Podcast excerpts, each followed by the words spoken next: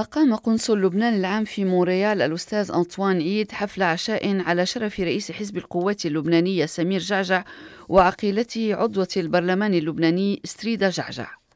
وحضر اللقاء عدد من أبناء الجالية والفعاليات الروحية والاجتماعية واستمعوا إلى الضيفين ونقلوا لهما قلقهم على الأوضاع في الوطن الأم.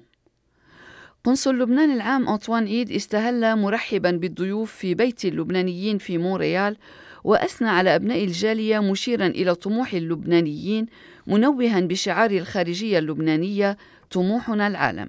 ومما قاله القنصل العام أنطوان عيد العيلة الحلوة اندمجت وأبدعت اشتغلوا بالتجارة فتحوا محلات تجارية جابوا كل المونة اللبنانية نقلوا أطباق نقلوا المونة اللبنانية الزيتون الفواكه كل شيء نقلوه حتى نضلنا عايشين بهذا الجو اللبناني.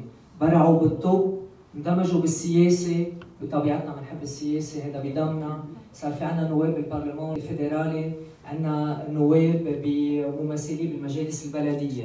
اشتغلوا بالمهن الحرة تاكسي حتى بالثقافة والفن وبالرياضة. صار عندنا فريق هوكي بيحمل اسم لبنان وبيلعب بموريال.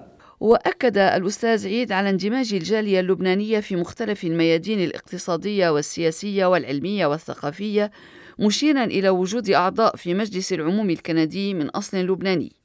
وتحدث متوجها إلى رئيس حزب القوات اللبنانية سمير جعجع ونستمع. العيلة اليوم مزهوبة ومسرورة بزيارة رئيس حزب القوات اللبنانية. يمكن ولا ثانية تخلى عن قضيته وعن مبادئه. دفع ثمن هالقضية وهالمبادئ سنوات من الاعتقال. حملت مشعل هالحرية ومشعل القضية سيدة فاضلة هي ورفاق كتار ما خافوا لا من تهديد ولا من وعيد بقيوا صامدين. كيف ما بدهم يصمدوا هن ولاد الأرز يلي ما بينحنى إلا لله اللي خاله وتحدث القنصل العام عن مشاعر القلق التي تراود أبناء الجالية اللبنانية في كندا ولبنانيي الانتشار بسبب الأوضاع الصعبة في الوطن الأم والذين يتحسرون على زمن بغير بعيد كانت فيه شواطئ لبنان مقصدا للسياح من حول العالم وأصبحت اليوم مصدر تلوث للبحر المتوسط. وأشاد القنصل العام بكندا التي يعيش الجميع فيها تحت سقف القانون وينعمون بالمساواة بغض النظر عن العرق أو الدين أو اللون. وتوجهت بعد ذلك ستريدا جعجع عضوة البرلمان اللبناني بكلمة شكرت فيها القنصل العام وأبناء الجالية الذين ما زال الكثيرون منهم يهاجرون بحثا عن مستقبل لهم ولأولادهم. ونستمع إلى ستريدا جعجع. يستوقفني كثير هو حديث سعادة القنصل. وقت اتقال في تساؤلات كثير كبيرة عند الجالية اللبنانية كل لبناني بيجي من لبنان أول سؤال بيسألوه ليش تركت لبنان؟ بيجاوب بيقول لأن ما في مستقبل لأولادنا ولأولاد أولادنا أنا رح فوت بصلب الموضوع بشكل مباشر كل الجالية اللي موجودة هون قادرة تغير وتعمل تحول كبير بلبنان وأنا رح أقول لكم كيف أنا واصلة على القنصلية سألت أحد المسؤولين بحزب القوات كم لبناني في بكندا؟ قال لي في حوالي في إحصاءات بتقول من 1975 لتاريخ اليوم أي two generations في حوالي 250 ألف لبناني بكندا. وتمنت سريدة جعجع على اللبنانيين أن يشاركوا بكثافة في الانتخابات في الوطن الأم لأن بإمكانهم أن يحدثوا فرقا شاسعا في النتيجة. وتحدثت عن تكتلها النيابي الجمهورية القوية ونستمع إلى بعض مقالته. نحن مثل ما بتعرفوا آه، نواب القوات بينضووا تحت الجمهورية القوية يعني تكتل الجمهورية القوية. ليه نحن بنقول اليوم عم نسعى من ضمن المواجهة الكبيرة عم نخوضها اللي هي المواجهة السيادية إنه نبني دولة قوية شو يعني دولة قوية؟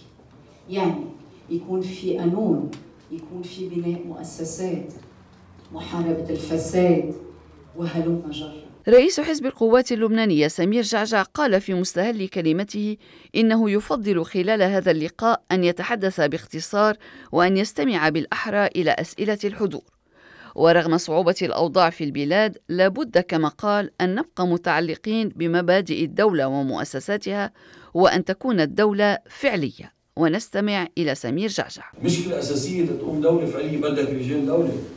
رجال دولة يعني بعطي أنا اسم اسمين ثلاثة من يلي مرقوا بتاريخنا فؤاد شاب رجل دوله ليش؟ لأنه كان يتصرف بشكل معين كمين شمعون ولو يمكن ناس كانوا معه ناس ما كانوا معه بس كل طريقه تفكيره رجل دوله في كتار غيرهم يمكن عم بستحضر شخصيتين تقول انه إيه في رجال دوله للاسف بالوقت الحاضر ما عندنا رجال دوله وتابع رئيس حزب القوات اللبنانية ردا على السؤال فأشار إلى أنه ليست هنالك دولة فعلية في لبنان وتابع موضحا.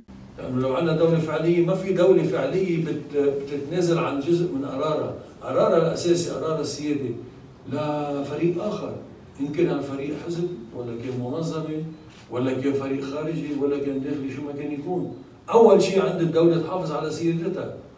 نحن المسؤول عن الدفاع عنها هي الدولة اللبنانية، أخي ما بدنا حدا غيرها. المواطنين بيدفعوا ضرائب وبيروحوا بيصوتوا وقت الانتخابات، تكون في دولة مسؤولة عن كل شؤونهم وشجونهم وأعرب سمير جعجع عن أسفه لأن لبنان يفتقر اليوم إلى رجالات دولة وما من دولة فعلية لدينا كما قال لأن الدولة الفعلية لا تتنازل عن قرارها السيادي لفريق آخر ومن أولى واجباتها أن تحافظ على سيادتها. وأشار ردا على السؤال إلى أنه لا بد من أن نتحمل مسؤولية ما يجري وألا نلقي دوما بالملامة على الخارج بشأن ما يجري في بلادنا.